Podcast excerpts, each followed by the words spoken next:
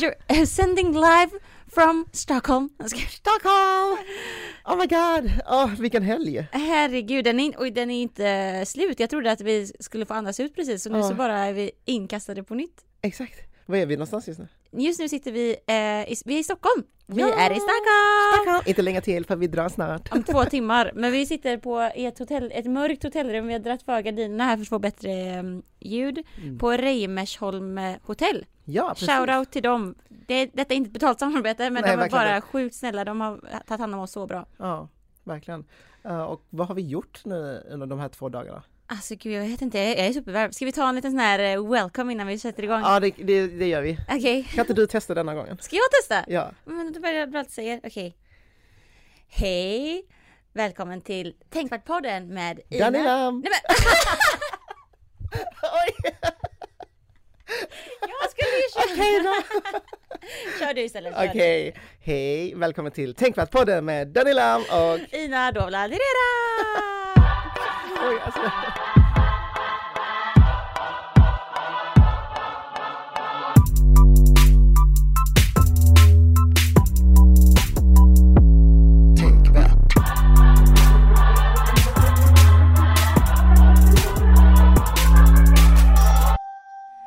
shit den här helgen, eh, som sagt, vi, vi, i vi sitter i Stockholm, vi är inte hemma i ditt sovrum, vi är i Nej. Stockholm och, I ett hotellrum. och gjort vårt första liksom event med podden. Ja, livepodd! På... Så uppe i varv, jag måste lugna mig. Kör, Okej. du kör. Pratar du. Nej men livepodd! Mm. Eller hur? Vi Mm. var ju... Vi hade publik. Hur många kom tror du? Eh, alltså de, det var ju coronarestriktioner. Vi, var, Mm. vi livepoddade ju på det här eventet som heter Cinema Queer. Och de höll ju restrik- restriktionerna så bra. I, vår, Mm. vi hade, I vårat så utställningsrum på den här festivalen så var det väl ändå typ så många som det rummet tog. Det kanske var 30, nej Mm. 20 kanske? Ja, men det var, det var en- del. Mm. Och sen eh, när vi kom ut från rummet så var det ändå några som stod där och bara Vi ville komma in men det var fullt. Ja! Så det är jättesynd men eh, fan det var, det var riktigt nice. Det var det var, vi var ju rätt nervösa skulle jag säga. Vi satt ju där och vi hade bestämt att vi bara skulle kolla på varandra. Mm. För vi kände, ja men det här är ju en livepodd, vi ska bara köra vår grej och sen finns det publik i rummet. men stolarna var riktade mot publiken Of course! och Liksom. sen hade vi liksom ljus mot våra ansikten och vi bara Nej, alltså det går inte naturligt att bara sitta och prata med varandra utan vi måste nästan hålla som ett föredrag. Ja, och jag, kom, jag kände mig så betrayed för du hade Vi hade pratat innan så här, för jag menar Danny du är ju du är mycket mer erfarenhet av, eller erfaren av de här sakerna än vad jag är. Så jag frågade dig innan bara okej okej men så här, vi var jättenervösa bägge två, vi typ kollade inte ens på varandra när vi satt på hotellrummet och pratade, jag satt och sminkade mig och så bara okej men har du några tips typ? Du bara nej men eh, tänk bara att vi är fika, fika. typ och du tittar bara på mig och så titta inte på publiken och jag bara men blir det inte konstigt om inte vi tittar på publiken? Du bara nej nej, titta bara på varandra. Sen när vi sätter igång och ska börja podda och jag typ har pratat mitt första så här tjok eller vad man ska säga Ja. och bara tittat på dig. Så, för jag känner ju att jag vill titta på Mm. dem för de sitter så nära. Sen när du börjar köra, då bara vänder du dig mot publiken och bara är asskön typ. Jag bara You motherfucker. You, you betrayed me! Exakt. Nej men det, kändes inte alls naturligt att bara kolla på varandra och sen Nej. alla satt där och bara hallå ska de inte kolla på oss? Ska de inte? Ja men exakt. Fan. Ska vi slänga in typ ett litet klipp här typ från eh, podden? Ja vi gör det. Okej. Eh, Välkomna till Hotell. Jag hoppas att ni har haft en fin vecka här hos oss. Eh, Det börjar ju lite närma sig sitt slut, men eh, vi fortsätter att köra på och ikväll verkligen en av, eh, det här är en av höjdpunkterna på festivalen känner vi. Eh, vi, vi har följt Tänkvärt sedan början och det är en helt fantastisk eh, plattform, antirasistisk plattform som verkligen slog ner som en bomb i Sverige och har, verkligen lyft så oerhört mycket viktiga frågor och det är jättekul att ha er här på plats för att nu köra en livepodd. Ni började för inte allt för länge sedan med podden så vi är superglada att ni har kommit hit eh, från, från Göteborg. Så jag låter er presentera er, så varmt välkomna. Tack så jättemycket!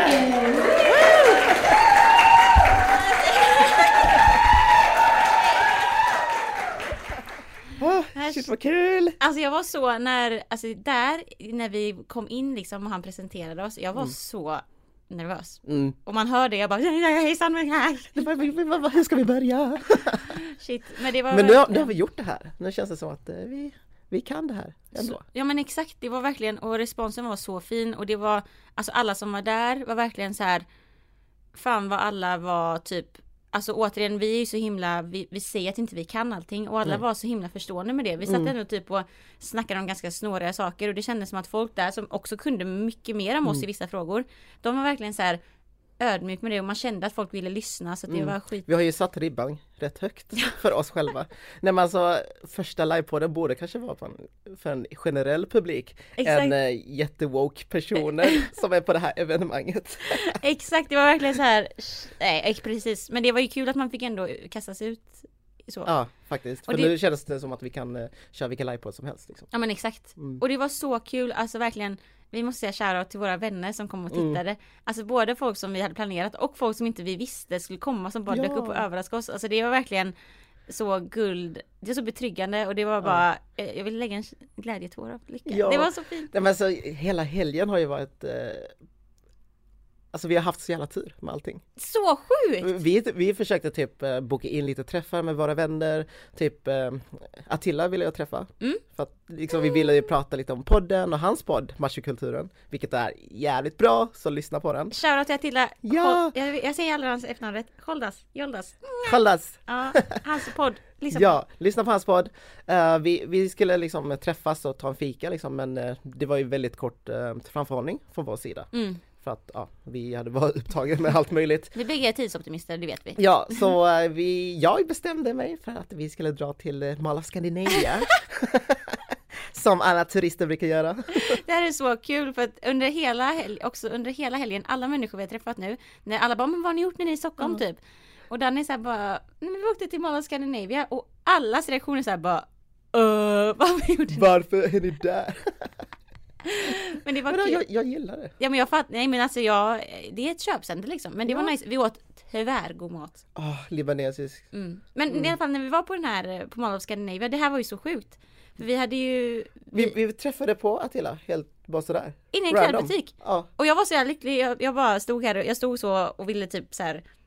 Okej nu är inte det här så bra att säga en podd där man pratar om hållbarhet va? Men jag försökte få Danny att konsumera, han skulle köpa kläder. Jag försökte få dig att köpa kläder. Bara testa den här jackan. exakt. Och så bara när jag, när jag, när jag gör det så bara ser jag att Attila kommer in i butiken. Jag blir så glad så jag bara Attila! Skriker. Och så bara står vi där typ och har ett asfint samtal i typ en halvtimme. Ja, exakt.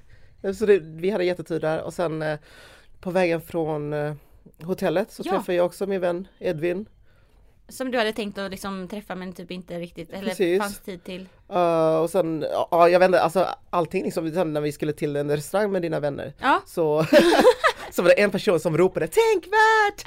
Precis när vi hade stigit av, eh, var det Gamla stan? ja precis. Och jag bara, vad fan händer nu? Jag bara vände mig om och bara såg någon, det var ju på kvällen liksom Mm. så jag såg ju ingenting och jag bara försökte vinka någonstans, jag bara hej! Det var så jävla kul. Nej men precis, allting är bara liksom, det känns som att vi har liksom, un, universum har satt oss på rätt platser liksom hela tiden i, eh, alltså i stan. Alltså vi typ, vi har, ja men att vi hamnade i den klädbutiken och träffade till att vi hamnade på den tunnelbanan och träffade din Ja. kompis. Att vi bara råkade ta den tunnelbanan och några av dina fans såg dig. Alltså förstår du? Det har varit eh, skitkul. Men vad, vet du du har ju också gjort en annan jätterolig grej Mm. du har varit här. Jag har träffat The Dopest, Ja. vilket är ascool, alltså ascoolt gäng. Ja, alltså herregud vilket, vilket jävla gött gäng och vilken nice plattform, Mm. varumärke typ eller vad man ska säga de har. Precis, de lyfte ju kreatörer och eh, jag hade en photoshoot med dem i Mm. samarbete med Levi's. Mhm. Heter det Levis eller Levi's? Nice. och eh, tog lite bilder. Det var så fett för det, det var väl att de hade väl typ en, eh, alltså den här plattformen som- det är typ en samlingsplattform för typ Mm. hiphopkulturen, alltifrån typ musiken till kläderna och liksom hela, alltså det som kan eh, innefalla där liksom. Och de eh, lyfte ju, vet du det, ja men typ, ja men kreatörer och folk, men det var så fett för att med Levi's då så ville de ju göra, ja men de ville lyfta liksom folk som typ Ja men de kallade det typ så här superheroes, alltså de ville lyfta Mm. folk som typ försöker göra samhället bättre och så kontaktade de dig. Ja, och jag kände bara, ja men klart kan vi ta lite bilder tillsammans och eh, ja, stötta dem. Så det gjorde vi, så vi åkte lite runt i Stockholm och tog lite photoshoots och jag får se när bilderna kommer. Så det blir skitkul. Så Ja. shoutout till Dopest, de är fan, och hela det gänget var asgrymma, de bara och jag, jag bara tagged along. Jag bara, ja men jag är med i podden så jag... Jag tar lite backstage för dig. ja exakt, men de verkligen tog emot oss så... Ja det var skitkul. Men eh, så att vi åkte ju då, nu är det ju söndag. Vi åkte till Stockholm i eh, fredags morse. Och eh, vet du det, vi satt där på, eh, på tågresan liksom, vi åkte skittidigt, klockan var typ sju. Eh, på morgonen. Eh, och jag, eh, jag var ändå ganska duktig, jag la mig typ relativt i tid. Jag la mig vid tolv, alltså så här, det är lite sent men jag kände Mm. ändå att okej men jag har alltid en tendens att lägga mig typ två när jag ska resa liksom. Precis. Så jag hann ändå, fick ändå typ sex timmar sömn. Och jag kommer ihåg att, eller kom, jo jag kommer ihåg att när jag vaknade på morgonen så är bara min, in, alltså min feed är bara helt så här bombad av liksom dina inlägg som du la upp. Och jag ser på Tänkvärd. Och jag ser också, jag bara tänkte, vänta lite nu, stopp och belägg. Jag, sa, jag snackade med dig precis innan jag somnade. Ja exakt. Så bara gick jag in, för det brukar jag alltid, man kan det på Messenger så kan man ju se när folk var aktiv senast. Mm. Okej, det här låter som värsta stalker-grejen att jag kollar det här. Men jag skulle skriva till dig på Messenger Ja. och då så såg jag så här bara, då var klockan liksom typ sex kanske, eller Mm. halv sju. Och så stod det så här bara, Daniela aktiv för tre timmar sedan. Jag bara, Ja, that nej. poor thing. Nej men grejen var att jag fick in tips om eh, en händelse på Facebook Mm. av Matbloggspriset. Så det är ett pris där matblogg.se liksom eh, delar ut varje år. Och så hade de en kategori som kallas för Folkets val. Eh, och Folkets val handlar om att eh, Ja, det, det är folket, alltså vi som röstar liksom. Mm. Vi röstar genom att lajka bilder på Facebook på de här finalisterna. Olika matbloggare då liksom. Ja precis, och det, det var liksom tio matbloggare och eh, en av dem var en svart muslimsk kvinna Mm. som eh, ledde stort med Mm. 7200 eh, likes. Mm. Uh, medan de andra hade liksom runt 500 000 liksom. Och jävlar hon var överlägsen Ja liksom. verkligen, Ehm, och eh, då fick uh, matblogg.se liksom in klagomål. Mhm. Eh, jag vet inte av vilka då, men de fick in klagomål och de bestämde sig för att ehm, om, köra en omstart. Av tävlingen? Ja, till hela tävlingen så det blev liksom noll likes för henne igen liksom. All, för alla? Ja, för alla också. Men vad var den kritik, vad, vad, vad, på vilk, vad var kritiken de baserade på att de ville göra en omstart? Ja, så det de menar var att ja, men det, det känns som att, eh, att röstningen var orättvis. Att det har varit personer som röstat enbart på grund av att hon är eh, svart eller muslim. Mm. Eh, och inte för att hon gör grymma liksom, recept eller att hon driver en asgrym matblogg. Okej, så att man var kritisk mot, eh, alltså hon som ledde då, det var där, så det, Precis. kritiken var inte, det var inte mot hela tävlingen utan det var specifikt mot hon som ledde tävlingen. Ja, och eh, detta är ju jättekonstigt för att man kan inte eh, kolla upp anledningen på alla som har röstat. Nej. Man kan ju liksom inte bara skriva till varje person och bara Hej, vad var anledningen till att du röstade på Herregud. Khadija som hon heter? Ja. Eh, så, det, så de fick ju massiv kritik av eh, inte bara av finalisterna Nej. utan även av eh, vi folket som har röstat på henne. Mm. Så Khadija valde att faktiskt hoppa av tävlingen för att hon kände att nej men det här var ju eh, Hon kände att det här var inte folkets röst alls. Nej. Det här var ju faktiskt juryns val. Att stänga av tävlingen liksom. Ja, och- Eller eh, nollställa den. ja, och det är ju första gången de gör en omstart liksom.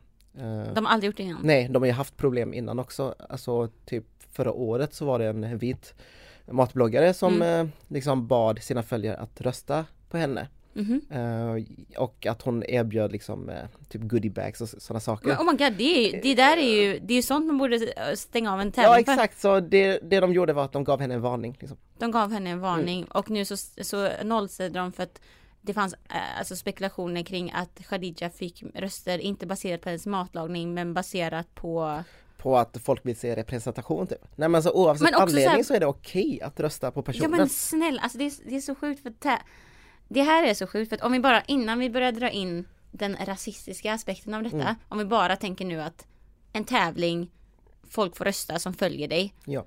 Alltså det, även fall vi pratar om mat nu, eh, vad fan så är det väl, ursäkta att jag svär, men alla, jag blir så irriterad, alla typer av eh, tävlingar där ens liksom följare får rösta på en. Mm. Det, det är ju aldrig så att man kan garantera vad det, vilken anledning det är att man röstar på. Och också Nej, nej, det så att, ja jag kanske följer, jag kanske röstar på dig för att eh, jag tycker om din image snarare än din matlagning, men det, det, det finns väl inga regler på att det inte det är Nej alltså hela grejen med att eh, ens ha en tävling som är baserad på likes Mm.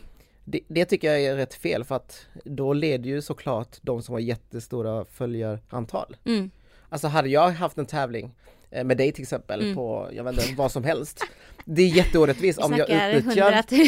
Och tänk om jag utnyttjar ja. Tänkvärds plattform till att rösta på mig på någonting eh, som du är lika grym på, Mm. så det är ju jätteorättvist. Alltså, eh, nej jag, jag tycker hela konceptet är ju fel egentligen. Mm. Men har man valt att det ska vara så, att det går ut på antal likes, då får det vara så. Alltså Mm. kör inte en omstart. Låt det vara och sen till nästa år, skriv om reglerna liksom. Ehm, Exakt. på annat, alltså säg typ att ja men ni kan rösta genom att lajka men att i slutändan är det juryns eh, Ja men exakt som expertgrupp ja, som på eh, mat typ eller whatever. väljer. Så- Alltså även där är det också lite fel för att hela juryn består ju av bara vita personer. Ja, alltså men jag tänker att vad hände sen efter, så Khadija hon, eh, hon, hon hoppar av tävlingen. Ja, Vad händer sen? Du har också lagt upp det här inlägget nu. ja precis. Jag har händer lagt sen? upp inlägget och liksom skrivit om det och det har ju, jag skrev ju mer generellt bara. Mm. Alltså mest uppmärksamma vad som hänt. Mm. Så det har väl, anledningen till att det har spridits så mycket är ju för att det är ju bra basinformation för folk Mm, att diskutera kring. just det. Um, Så det, det är därför jag valde att stanna uppe typ halva natten för att skriva det här Och hela inlägget. tågresan på morgonen. Ja precis, bara för att uppdatera storyn och eh, vad har hänt, vilka har svarat på kritiken, har matblogg.se sagt någonting? Mm. Eh, och det som hänt var ju att ehm, finalisterna Mm. har, de hoppade av liksom i De solidaritet. Ja, Ja. i solidaritet till eh, Khadija liksom. Eh, och sen har Matbloggspriset, deras Instagram, också gått ut med en uh, ursäkt. Mm. Ehm, och det, det är ju inte någon speciell ursäkt utan det är ju det här, ja men vi visste ett bättre, vi ville sprida positiv anda genom att köra omstarta liksom. Ehm, du vet den här typiska ursäkten som Mm. finns. Och eh, de har ju fortfarande fått kritik för ursäkten. Som har det. Ja, Mm. uh, jättemånga som skrev, ja men erkänn att det var rasistiskt. Mm. Erkänn liksom att, eh, att ni måste bättra er till nästa gång. Alltså, Säg inte bara att det är problematiskt utan säg vad faktiskt problemet är. Exakt, och säg inte bara åh, vi är så ledsna för att det här tolkades sådär liksom. Um, och jag har även fått in DM av eh, folk som känner att, men de har ju bett om ursäkt, varför, varför fortsätter ni hacka på dem? Mm. Och jag svarade att um, nej men alltså en genuin ursäkt, eh, det behövs ju. Man behöver liksom förklara att man ber om ursäkt, att det var fel. Men man behöver även få med det här liksom, hur kan vi göra för att problemet inte ska uppstå igen? Mm. För att det är det det handlar om. Alltså alla kan göra ursäkt, eller alla kan göra fel, Mm. eller hur? Vi kan också göra fel, vi gör fel hela tiden. Japp. Japp, men eh, skillnaden är att eh, man måste faktiskt på aktivt sätt arbeta för att motverka att sånt här kan uppstå igen. Mm. Ett exempel, konkret exempel är att eh, bjuda in andra typer av eh, alltså, eh, grupper i juryn. Mm. Alltså personer med andra kulturella bakgrund som har erfarenheter av hur det kan eh, bli när det blir sådana här rasistiska eh, beslut liksom. Mm. Eh, så att man kan gemensamt komma till olika beslut utan att det blir sån här Nej men ja, för men jag tänker att vad var det som, för jag vet att de, de gjorde sin ursäkt. Men Mm. de, men Khadija valde ju att hoppa av och gjorde jag också de andra finalisterna. Det var inte så att Matpriset tänkte att okej men vi går tillbaka, vi tar tillbaka alla röster och låter fort, tävlingen fortgå. Utan de sa bara, de bad bara om ursäkt. Ja, de bad om ursäkt och de sa faktiskt att de har snackat med eh, några personer med invandrarbakgrund liksom för att eh, se hur de kan gå vidare. Men de har inte sagt hur de går vidare. Okej så vi utan- väntar fortfarande på en lösning Ja, precis. Okej, men för jag tänker typ vad som är, eh, men som du var inne på lite nu, vad som är skitintressant Det är ju liksom att, eh, med tanke på ursäkten också Att det är väldigt mycket, eller det är fokus på intention bara, vi menade ingenting illa, vi menade ingenting illa liksom Mm. Men det är också så här som du säger, alltså det, det är ju det här med juryn. Det är inte, det är inte, det tar ju inte en lång tid att förstå att ett sånt här typ av problem inte Mm. blir ifrågasatt förrän någon expos, alltså så här, exposerar det. Ja, Kanske på grund utav att det finns en väldigt eh, homogen jurygrupp. Alltså alla är ju vita. Mm. Eller alla, som på bilderna kan man ju säga att alla rasifieras som vita. Mm. Nu kanske jag lägger in en liten egen tolkning här men jag skulle vilja säga att jag tycker att det ser ut som att alla kommer från relativt samma klassbakgrund också. Mm. Och också att det finns den här Okej nu är det också min egen uppfattning så eh, shots at me om ni tycker jag har fel. Men jag tycker också att det finns liksom hela den här kulturnisse fancy posh bilden vet så här. Ja. De, jag vet inte, det är bara någonting med bilderna man bara ser att Att det är liksom det här är akademiker som Ja men du vet där så här och som oh, kallar sig för mm. experter och... Och det, åh, nej jag vet inte och det är så här typ om vi ska ha en folktävling där vi Mm. ska kunna, vem som helst ska kunna, kunna få vara med och tävla och man väljer att ta liksom en privilegierad grupp Mm. Att vara jurymedlemmar. Givetvis så kan man ju inte förstå alla erfarenheter och det är ju typ en sån sak som man borde ha, ett sånt erkännande man hade velat se i ursäkten också. Ja. Att okej, vi förstår det här, eh, vi förstår att det här har skapat en rasistisk pro- process för att vi kan, vi kan se att, ehm, för grejen är så här också att att vet du kritiken kom, att man ville stänga av eh, eller nolla alla. Det, alltså jag tror ju 100% att folk hade inte sagt det här om det var en vit person.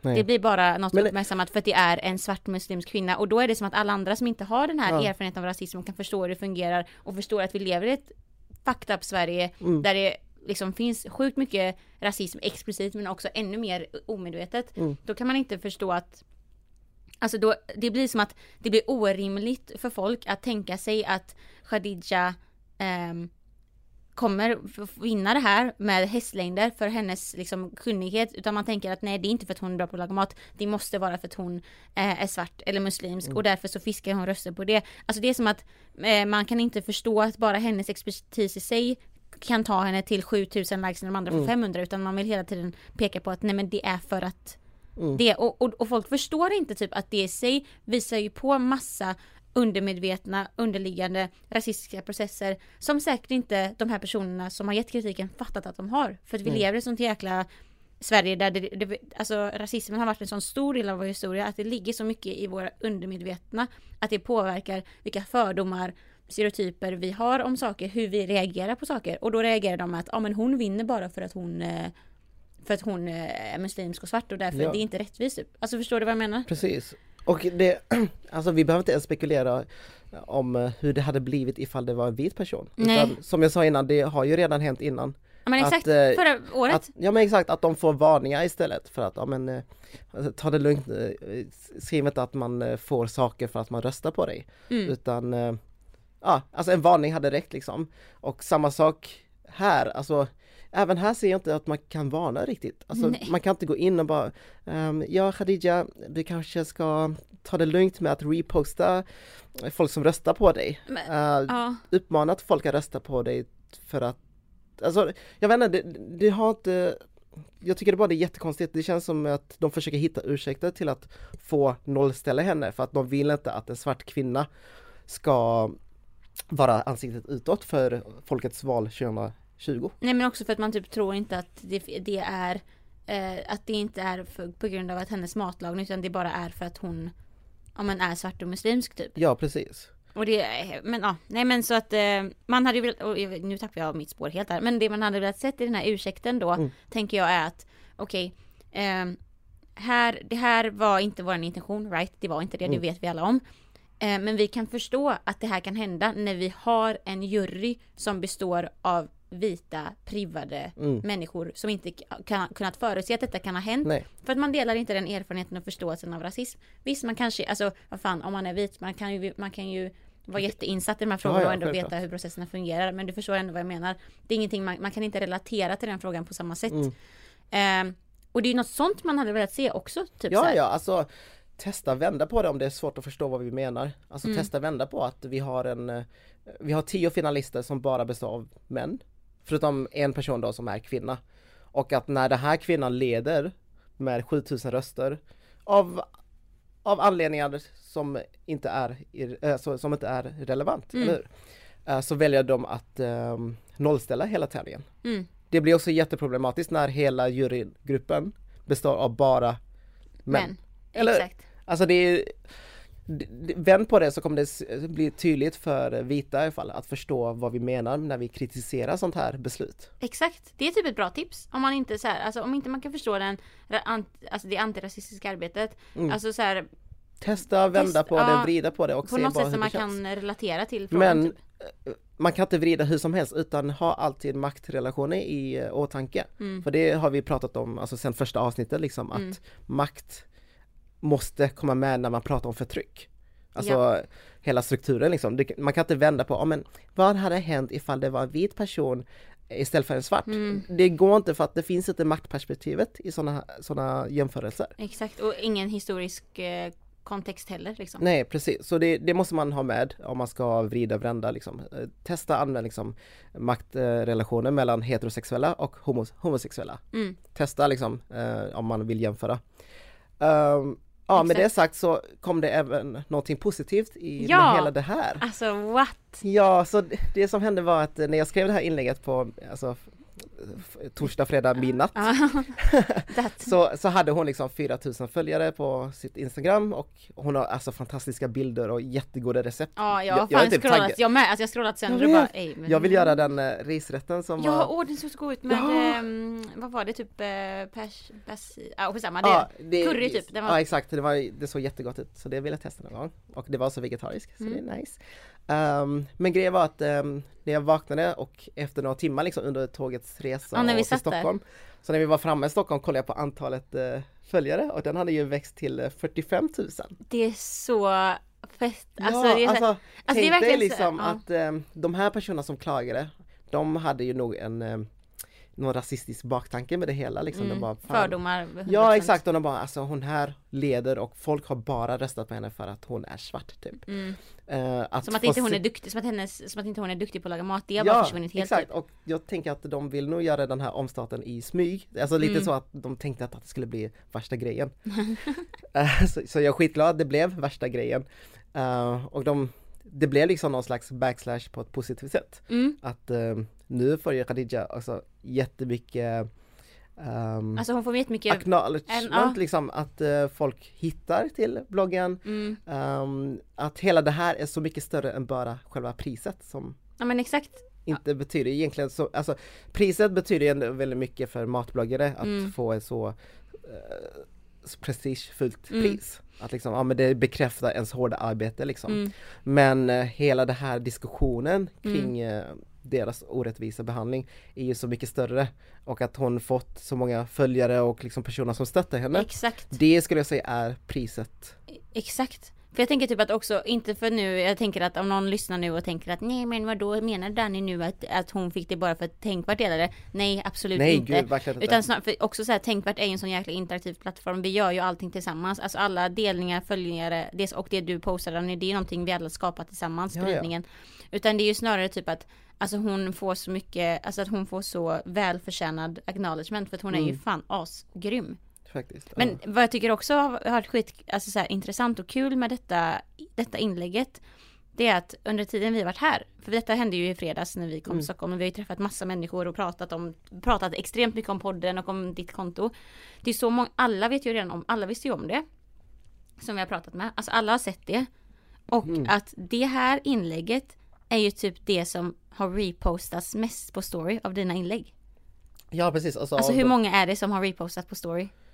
Ja gud, det var, ju, det var ju flera tiotusen. eh, Var det inte folk. 50 000? Ja det, det låg någonstans där i alla fall. Men alltså exakt, men förstå, alltså tänk ändå vilket klimat vi lever i. Alltså så här, tänk hur mycket folk som verkligen så här aktivt bara så här, Vi stöttar, vill stötta det här liksom. och vill synliggöra alla rasistiska processer och strukturer som finns här i Mm. Sverige. Det är ju helt, alltså jag, man blir ju så glad. Ja och det är det jag älskar med alltså, mobiliseringen av antirasister och eh, alltså vi som kallar oss för feminister. Mm, Att vi ändå har de här plattformarna, alltså jag är ju långt ifrån den enda plattformen liksom. det finns ju, Det ja, finns exakt. så många grymma plattformar Mm. som mobiliserar folk och eh, uppmanar till att göra de här aktionerna liksom. Mm, Och det, det är det jag tycker är så jävla nice för att det finns faktiskt många eh, antifeministiska också mm, som har varit länge grymma på att mobilisera sig. Och då Exakt. pratar jag ju liksom om de här nazistiska tidningarna som ja. är väldigt bra på att eh, gå in och sen dislika massa saker eller Mm. typ senaste var det ju om det här eh, Black Lives Matter Stockholm Mm, som anordnar liksom en musikvideo just det. med jättemånga kända Mm, liksom Grymma hiphoppare, i, ja. ja. svenska hiphoppare liksom i Sverige. Svarta då som eh, nej men den heter ju Tillsammans och det är så jäkla, alltså den låten är så bra och det är så fin, alltså så här, så fin grej att folk bara går tillsammans Mm. och gör någonting för att lyfta det här. lyfta Black Lives Matter Ja. eh, frågan liksom. Och eh, det klippet, alltså i början, jag, jag såg liksom eh, kommentarerna, det var fina kommentarer, Mm. det var mycket likes och sånt Mm. men efter någon slags hatstorm av eh, rasistiska bloggar och sånt så Ja. fick det ju jättemycket dislikes. Mm. Och det är ju deras sätt att mobilisera och Exakt. det, sånt har de ju gjort länge liksom. Ehm, och det känns skönt idag att vi på något sätt nu kan eh, vara en motvikt. Mm. Att, att vi som sitter här ändå kan podda om det här och driva liksom Tänkvärt-kontot Mm. och på något sätt ändå vara motvikt till de här nazistiska eh, bloggarna. Mm, exakt och det, det, det är verkligen som du säger att och om, alltså så här, från min, eh, ja men som alla vet, jag pluggar ju, har ju pluggat de här sakerna på, ur en akademisk synvinkel, alltså Mm. typ med rasism och förtryck och hur det funkar och teoretiskt men ja, globalt, allt sånt här liksom. Och det är så, och det är verkligen så, all, alltså det som ändå alla typ eh, filosofer, forskare, teoretiker menar på är ju att Speciellt i länder som Sverige som har en väldigt självbild av att vara väldigt jämlik och antirasistisk. Mm. Då bara antar man att ja, men vi är ju antirasistiska, vi vill ha jämlikhet så det är ju det alla vill. Men, men i historien har vi ju sett att inte bara på sociala medier utan på andra sätt så har ju alla typer av nazistiska, rasistiska, alltså imperialistiska Mm eh, krafter, deras största, eh, far, alltså deras, deras, det farligaste hotet de har, det är ju deras sätt att mobilisera sig. Det är Mm. det, för att de är så extremt duktiga på det. Och alla menar på att det, det som vi måste göra för att få bort det här, det är att vi måste mobilisera oss också med en antirasistisk kamp, alltså Mm. med en feministisk kamp, vilket folk har ju gjort genom sen liksom hela 1900-talet. Exakt. Men det är också viktigt att man tar den här, punkt, alltså den här mobiliseringen på sociala medier och det är ju så fantastiskt att se att alltså 50 000 ändå delade det på sin story. Alltså man kanske, för någon som inte är insatt i sociala medier kanske tänker att vadå, vad spelar det för roll? Men det spelar roll, för Mm. det är så här, det är, alltså det är så vi påverkar varandra och alltså att man bara visar sin solidaritet i det, det är så viktigt. Verkligen. Okej. Eh, shit. Ja, jag, jag, är så, jag är så glad bara. Alltså när vi, nu, när vi pratar om det här med Khadija, det är verkligen Mm. eh, så kul. Och det är som Det är så himla kul att kunna använda den här plattformen till att kunna prata om de här grejerna.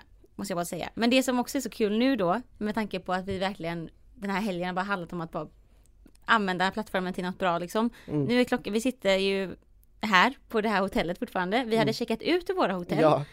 Vi skulle så här gå och träffa några kompisar och käka lunch, en snabb lunch innan vi tar tåget om typ två timmar tillbaka Ja, till, till Göteborg. Men här på morgonen så ha- fick du ju in ett eh, tips ja, som ja, du brukar få in.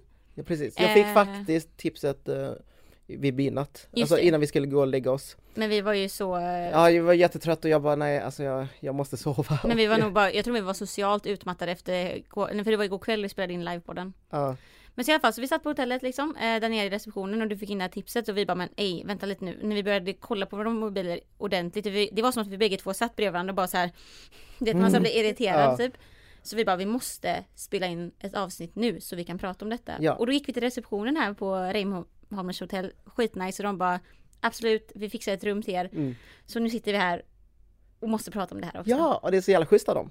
Verkligen. Eh, och det, det som hände var att ehm, det är en restaurang i Stockholm, här Mm. i Stockholm. Känns konstigt att Här säga här i Stockholm. Inte där borta. Ja. Som, ehm, som är två internationella influencers, de jobbar med mode och sånt, Mm, eh, besökte. Så feta, alltså så Ja, coola. skitgrymma!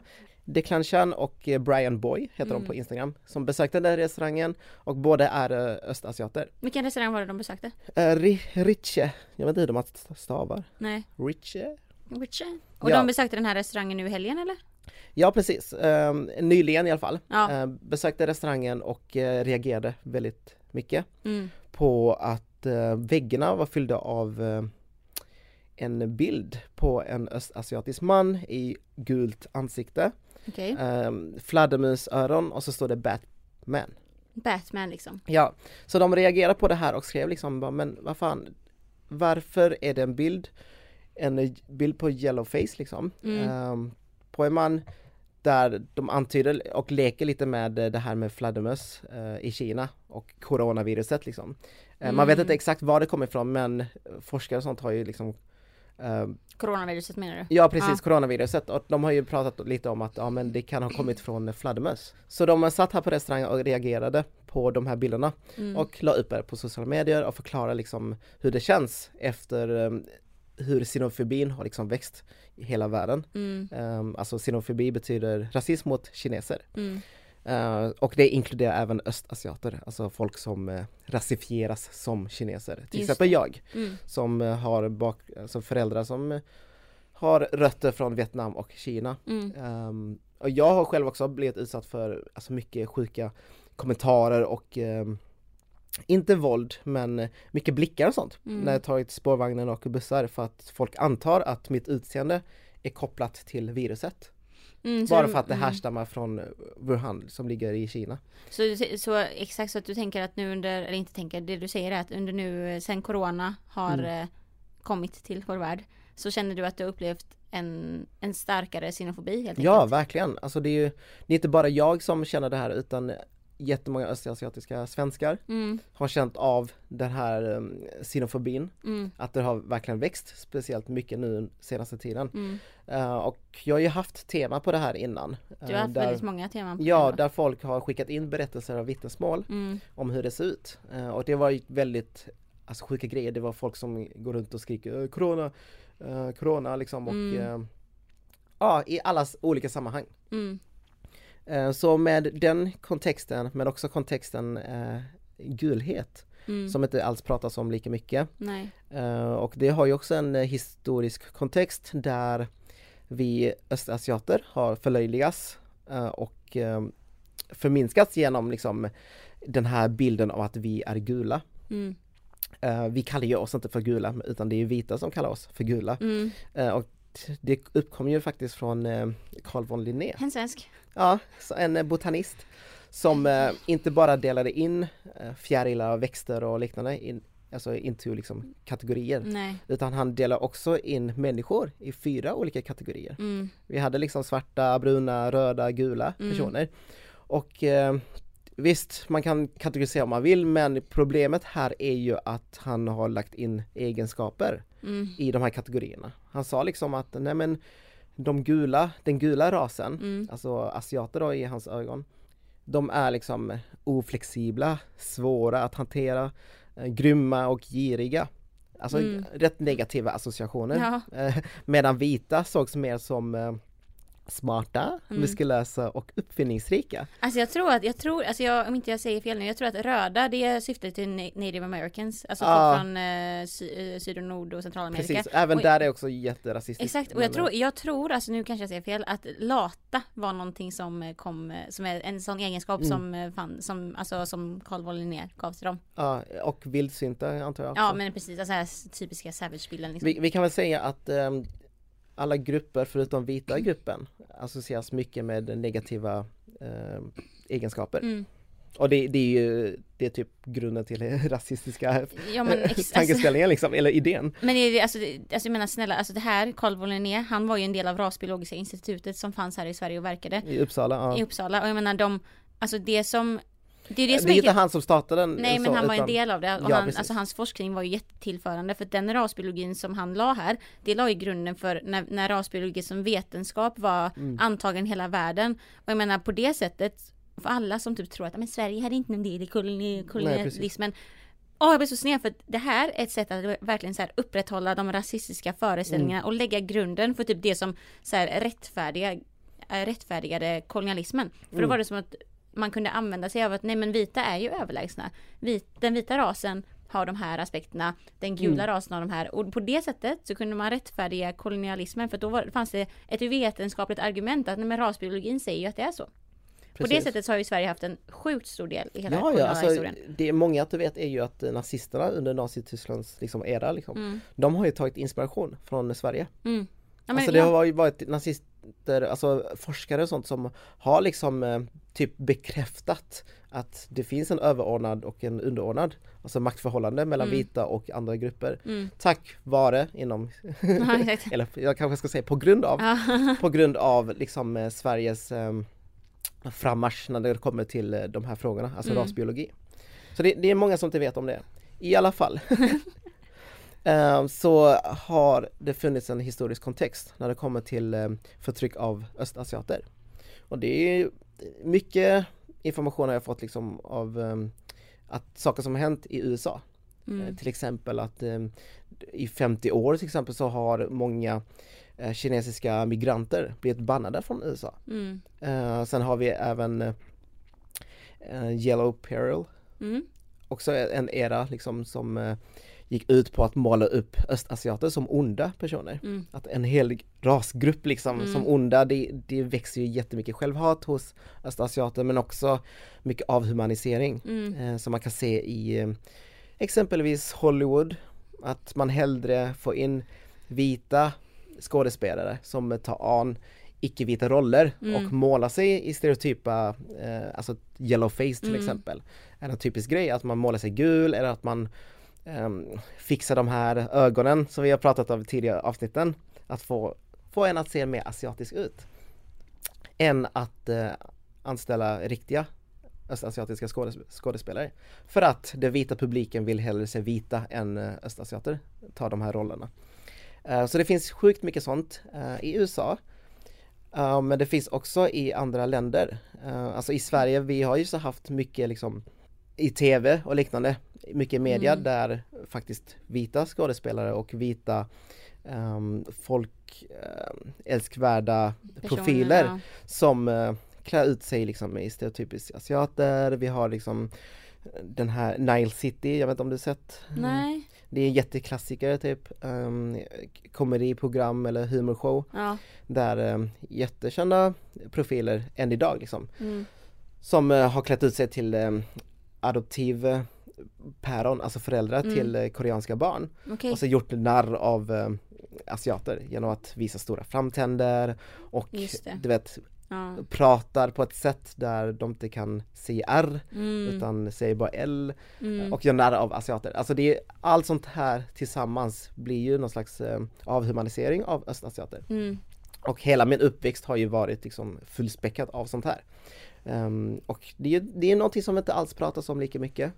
Ehm, så jag kände att nej, men jag lyfter den här frågan på Tänkvärt och Mm. eh, pratar både ur historisk perspektiv men också mina egna erfarenheter. Mm. För jag känner att det är, det är värt att lyfta de här frågorna för att rasism mot östasiater är ju inte någonting som lyfts tillräckligt känner jag. Nej alltså verkligen inte. Det känns som att, men som du säger själv, vi har ju varit och snuddat på, det, på Mm. de här ämnena i tidigare avsnitt.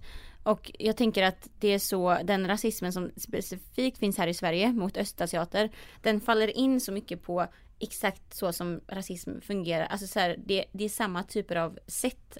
Man har den här nidbilden, den här stereotypa bilden på samma sätt som vi pratar om med Frölunda Indiens. Mm. Av någon karikatyr. Också att den här nidbilden av yellowface, att det bottnar ju sig i rasbiologin. Ja. Alltså det är där det kommer ifrån. Och sen så har historien bara, man har som du säger Hollywood föreställningar Mm. som är lite roliga. Det finns en stereotyp av asiatiska Mm. män och kvinnor på olika sätt. Det har typ på något sätt gjort det lite mer hanterbart. Men det finns, det grundar sig ju även, alltså den här, det här, eh, den rasismen som finns grundar sig ändå på den rasismen som skapades under kolonialtiden. Mm. Och därför så är det inte liksom, därför kan man inte ta en sån här en sån här, en sån här porträtt som Batman när man har en stereotyp bild, om vi bara tar innan den här Bat, alltså bara det här att det är ett, alltså ett, ett yellow face, bara det är ju rasistiskt i sig. Mm. Men att att man också lägger på då Batman som på, på vad heter det, med corona, Mm. alltså det hela den här, det med, alltså hanteringen av corona, så blir det ju ännu mer problematiskt. Och jag tänker att vi kan prata, Rasistiskt faktiskt, ja men inte precis, problematiskt. sa det igen. Nej, men Men det, jag tänker att alltså, nu kan vi prata lite om det här med eh, Alltså personen som har målat det här verket Mm. har ju svarat på Instagram. Ja, så det, det, det första han gjorde var att, oj, hen, Ja. det trodde han. det första hen gjorde var att eh, skriva, alltså gå i försvarsläge. Mm. Hen skrev typ, eh, nej men eh, allt ses som rasistiskt nu för tiden och sen inte ens svarade på kritiken. Nej. Um, men sen när det blev alltså, väldigt stort, att jättemånga hört av sig, man skriver både till restaurangen men också till eh, den här um, konstnären. Mm. Så gick konstnären ut med eh, eh, ett inlägg och skrev att eh, hen ber om ursäkt typ. Och eh, förklara att nej men eh, det är en bild på eh, diktatorn i Kina som har hanterat liksom coronaviruset väldigt dåligt. Så, så det hen gjorde var ju att bara köra någon satirisk Bild. alltså konstverk Mm. Ehm, för att kritisera den här diktatorn. Liksom. den, ja. Och jag, jag liksom, jag tycker om satiren då för att det, det växer liksom någon slags obehag men det också växer diskussioner kring liksom om en, olika ledare och sånt. Men jag tycker att satir ska stanna vid eh, alltså makthavare. Att det ska inte reproducera liksom de här rasistiska bilden på, alltså både yellow face Mm. men också att eh, asiater kopplas direkt till eh, Corona. coronaviruset. För att vi har en historisk kontext vi inte kan glömma. Vi kan inte glömma heller hur 2020 har varit jävligt jobbigt för eh, asiater. Ja men, ja, men det, exakt, det, går, alltså, det går ju att kritisera en Ja, makthavare ja, utan att behöva dra in rasistiska stereotypa nidbilder. Nej precis, så jag tänker att hela satirgrejen borde sparka uppåt Tycker Ah. jag personligen, än att sparka neråt. Ja för, Ehm. ja, alltså jag menar, ja för att visst man kan ju, för man kan ju sparka uppåt utan att dra in de här, ja men nidbilderna. Ja precis. Eh, jag, tycker inte man ska, jag tycker inte att man ska använda rasism mot någon, även fall personen i fråga är liksom, ha, har gjort någonting eh, hemskt mot människor Mm. eller inte. Men jag tänker att eh, i ursäkten så skrev ju konstnären att mitt, min intention var bara att håna och ge kritik till den här diktatorn. Ja. Men hur kan man inte tänka steget längre då av att okej, när jag gör detta, för först och främst, alla kanske inte ens vet vem den här personen är jag försöker Nej. likna. Men när jag gör detta kan det här påverka, kan det här eh, på något sätt upprätthålla de stereotypa rasistiska bilderna som finns om eh, alltså östasiater, speciellt nu i coronatider, kan det upprätthålla det? Det är ju den här personen inte ens reflekterat över. Nej. För det är ju det som är, för det är ju så det mottas och också som Ja. de här två eh, killarna snackade om i sitt inlägg. De bara det var fett jobbigt att sitta på den restaurangen som Ja. enda, vi, det var typ två andra asiater på. eh, Ja, som jobbade ja, där typ men Men de bara, det kändes ju liksom så jävla obehagligt för att de, den här stereotypa bilden om liksom östasiater reproduceras ju vid Ja. den bilden oavsett om det är på en diktator eller inte. Ja för att alltså folk fattar ju inte vem den här personen är. Nej. Eller jag, jag fattar inte vem den här diktatorn var. Nej men liksom. nej, inte heller. Så det, det slår väldigt fel när man inte fattar diktatorn, eh, vem den här bilden föreställer. Men, och det man ser är ju att det är en östasiatisk man. Och så ser man att eh, det står Batman och då fattar man direkt att det Mm. handlar om den här fladdermusen liksom och corona och allt det där. Eh, men också att han är i yellow face. Så hela det slår väldigt fel eh, tillbaka och eh, men också att det här satirverket som inte bara stannar hos konstnären utan den faktiskt eh, publiceras på en offentlig miljö Mm. över hela, alltså väggarna på den här restaurangen, det var fyllt med de här bilderna. Mm. Och det, det känns så obekvämt att gå in i en sån restaurang och bara se de här bilderna som man hela, sen barnsben har blivit mobbad för och eh, inte ser repres- alltså, riktig representation av i eh, samhället i sig. Nej. Och det, det gör mig faktiskt rätt ledsen för att eh, det- man behöver prata mer om rasism mot eh, östasiater. Och jag tycker bara att eh, nu är det i alla fall en bra början eh, om man tänker på något positivt som kommit från Corona liksom. Att eh, xenofobi har faktiskt eh, lyfts fram väldigt mycket. Media har faktiskt börjat skriva om xenofobi. Jag har också blivit intervjuad liksom om just xenofobin av media, mainstream media. Um, att det har liksom blivit någon slags vändning på grund av Corona. Att man faktiskt pratar om de här sakerna. Så jag hoppas i framtiden att um, vi inte reproducerar de här bilderna, att vi förstår att rasismen mot östasiater är också viktigt, också Mm. är all, allvarligt. Att det finns en grov rasistisk historia mot oss. Um, mycket i USA som i sin tur har ju påverkat världen runt Mm. omkring. Ä- alltså även än idag så har jag svårt att nämna liksom ehm, stora förebilder Mm. som ser ut som mig själv.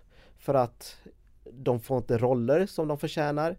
Um, de ses ständigt som nördar och karatesnubbarna som man ser. Sen när man kommer till kvinnor så är det mycket um, det här exotifieringen och uh, det här Dragon Lady vet, um, i Mm. mycket filmerna. Uh, men också att det finns så mycket negativa associationer mot oss. Och så de positiva associationerna mot oss, det blir också någon slags eh, dubbelbestraffning för Mm. att många försvarar rasismen mot östasiater som att det är en positiv rasism. Ja, så, ja, och så är det exakt med eh, native americans också, jag vill bara flika in, som Ja. vi pratade om tidigare, men fortsätt. Ja, att eh, nej men det finns ingen positiv rasism. Rasism är ju rasism. Och eh, det de menar är att, eh, nej men asiater, ni är ju så duktiga, ni, Alltså ni, smarta typ. ni är så och- smarta, ni är så skitgrymma på matematik och vetenskap och sånt. Ja, det är den bilden ni kanske har men det påverkar också oss som eh, kanske inte lever upp till de här föreställningarna. Då ses vi kanske inte som asiater. Och om vi lever upp till de här föreställningarna så eh, är vi inte grymma för att vi är oss själva liksom indi- som individer utan vi är grymma för att vi föddes smarta eller föddes som de är. Mm.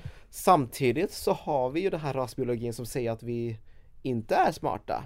Att vi är eh, giriga eller Oflexibla och... ja ex exakt allt sånt här. Så det är, det är så mycket som eh, arbetar mot oss hela tiden. Mm. Ehm, så det är det, ja, om man ska nämna någonting positivt från Corona så är det i alla fall just det här diskussionen om xenofobi som har växt liksom. Och jag tycker att det är verkligen, eh, jag tycker att både det här eh, inlägget och eh, om Khadija, alltså det tillsammans, de två visar ju på samma problematik. Att här har vi personer som inte förstår sig på rasism, Nej. tror inte att rasism finns i Sverige eller liksom i vår nu, nutid och moderna tid. Och liksom bara oj, men min intention var inte så här. Jag trodde att, ja vi vet det, men det visar ju bara på att tänk när stora eh, aktörer och makthavare eh, tänker att men vi har det bra nu, det finns inte jag tror inte det här kan vara eh, något rasistiskt därför så lägger man, alltså därför sprider man det liksom. Mm. Eller liksom använder sin plattform för att sp- sprida en matlagstävling eller ett verk. Och det saknas en förståelse om hur rasism produceras och hur det tas. Och speciellt här i Sverige. Så det är ju någonting som verkligen är så här, både i Khadija-exemplet och med den här um, tavlan. Mm. Och eh, det som är gemensamt med de här två nyheterna är ju också att eh, båda bad jag om ursäkt. Så jag tänkte bara att vi kan återkomma lite till det här med hur ber man om en perfekt ursäkt? Alltså, Perfekt, det, det finns ju inte perfekta ursäkter men Nej. det vi måste förstå är ju som sagt att alla kan göra fel. Mm. Det, det är självklarhet och man måste kunna få en andra chans, eller Ja. hur? 100%. Det, det är 100% och det är någonting som vi två liksom påpekar väldigt ofta liksom och vi, vi är både för och emot cancel culture. Hela Ja. det här med att eh, gör man något fel eh, så måste man på något sätt arbeta aktivt för att inte upprepa samma misstag. Mm. Att hela cancel culture går ju ut på att se ett mönster av att eh, en person som gör samma misstag om och om igen, det är de som jag tycker är legit att Mm. faktiskt cancella och inte stötta personen. Medan personer som har gjort ett litet fel eh, Mm. eller gjort ett fel och faktiskt arbetar aktivt för att motverka det. De, de tycker inte att stämpeln liksom cancel riktigt passar in. Så jag var ganska lite, alltså jag var ganska försiktig med att gå ut med restaurangen och med eh, konstnären och sånt för att jag vill att ehm, Då Det ska ska vara ha- chans. Ja men alltså, nej inte bara det Nej. utan att eh, själva diskussionen ska handla om lite större än bara liksom specifika, ja men nu har vi restaurangen, nu har vi en konstnär som Ja, gjort konstiga saker. Utan det, det, är no, det är ju någonting som händer hela tiden. Mm. Och det är det jag vill påpeka mest när de skriver om de här inläggen att det här är inte en gångsföreteelse. Det händer inte i Utan ett vakuum. nej, och det händer ju hela tiden.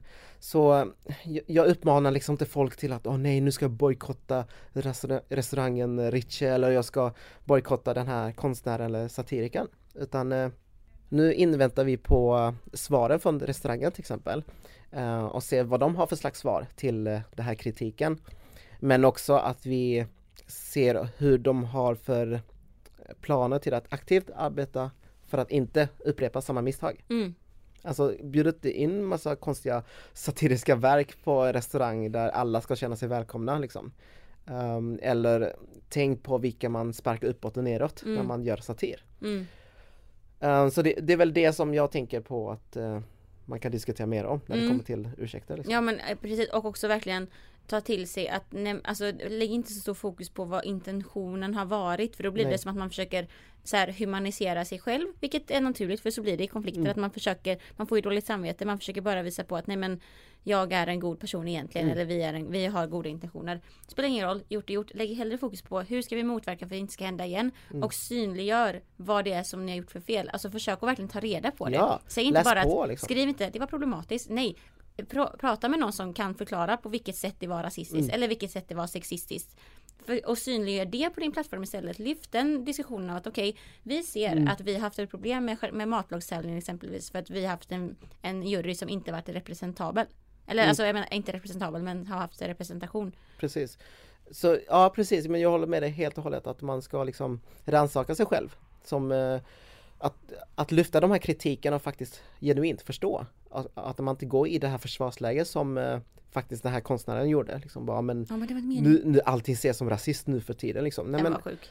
Alltså sluta liksom. Mm. Faktiskt ta till dig och förstå varför det blev en reaktion. Det är inte så att vi letar efter problem.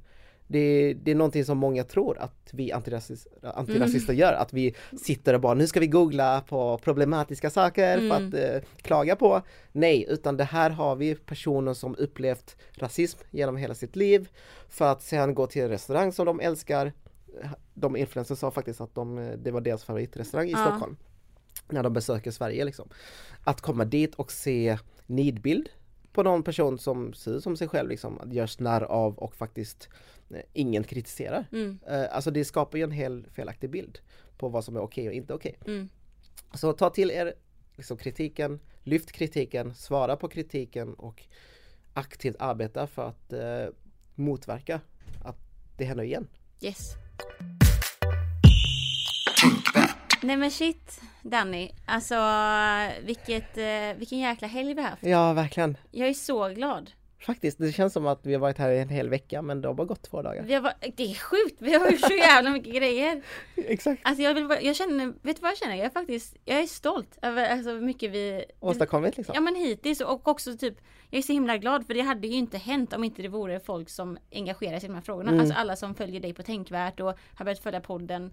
Liksom det, det är så det, är så, det känns så extremt kul och viktigt och meningsfullt att bara fortsätta och bara liksom pusha ut sån här information Mm. på alla möjliga sätt man kan liksom. Ja, verkligen. Och även om det tar tid liksom att spela in och redigera och sånt så känns det så jävla värt. Det gör i, det. I slutändan liksom. Alltså att, I don't care att vi ska åka tåget om en och en halv timme och vi inte ätit någonting idag. Det är Nej, värt precis. det. Det är värt. För att alltså när vi kom till det här hotellet eh, så kom det ju faktiskt en person fram och sa Ja. liksom bara Hej, jag älskar er podd och att den var fantastisk och sådana saker. Så det, det känns så kul att faktiskt träffa ansikten bakom de här siffrorna som man ser i statistiken och faktiskt eh, kunna prata och få feedback på vad vi kan bättra oss och hur vi kan eh, sprida ut ordet och information ännu bättre. Ja Liksom. men exakt. Och alltså, och, alltså återigen den största shoutouten till Cinema Queer. Det här, Mm. Den här festivalen har varit så extremt fin. Vi har träffat jättemycket fantastiska människor och Mm. liksom det som de sprider är sjukt fett. Gå in och kolla och följ dem. Det har varit jättekul att få medverka och den här helgen, det har inte bara varit live på den, den alltså, som, som sagt universum har bara satt oss på rätt platser eh, Verkligen. hela tiden typ känns det som. Ja, och ehm, det jag också vill säga är att ehm, vi släpper ju avsnitten varannan vecka på onsdagar. Men eh, vi känner bara att ja, men vi släpper ett avsnitt eh, nu, alltså onsdag den här veckan istället för nästa vecka. För att vi känner att ja, men vi vill få ut eh, alltså våra tankar nu när det är så nära intill. Eh, så vi tänker att vi släpper ett avsnitt nu, men också ett till avsnitt eh, i ordinarie tid. Så liksom. det blev ett extra avsnitt nu liksom. Ja, precis. Special Exakt. for you. Och er som eh, stöttar oss via Patreons så tänkte vi att vi lägger upp eh, ett, eh, ett videoklipp eller ja, med inspelningar från eh, där vi gjorde det här livepodden. Ja, Där, så att, det, så att de som faktiskt stöttar oss ekonomiskt kan också få någonting extra känner vi. Exakt. Att, det, det hjälper oss så mycket genom att få det här ekonomiska stödet. det har hjälpt Till den här exempel- resan jättemycket. Ja, det här resan med eh, ja, men typ att bara kunna köpa SL-kortet och kunna röra oss runt. Ja men exakt och kunna Vi- delta på de här grejerna vi har blivit inbjudna till. Ja, för annars hade vi ju gått minus och det är inte riktigt det vi vill utan vi vill ju kunna hålla oss go going. Ja, så en sista shoutout till alla våra patreons men också till Felipe som är ny Patreon. Tack så jättemycket. Tack så fasen. Och vi vill bara säga också att livepodden, vi, vi har inte sagt det tidigare, men vi vill hålla det intimt. Vi vill hålla det till de som faktiskt var på plats. Mm. Så det är därför de som betalar också får den typ. För att, Precis. eh, men så brukar det vara med livepodden. Man vill hålla det intimt och hålla det till ett, liksom, ett samtal som var där med dem liksom. Mm. Men vi hoppas att detta är bara den första av många livepoddar som kommer.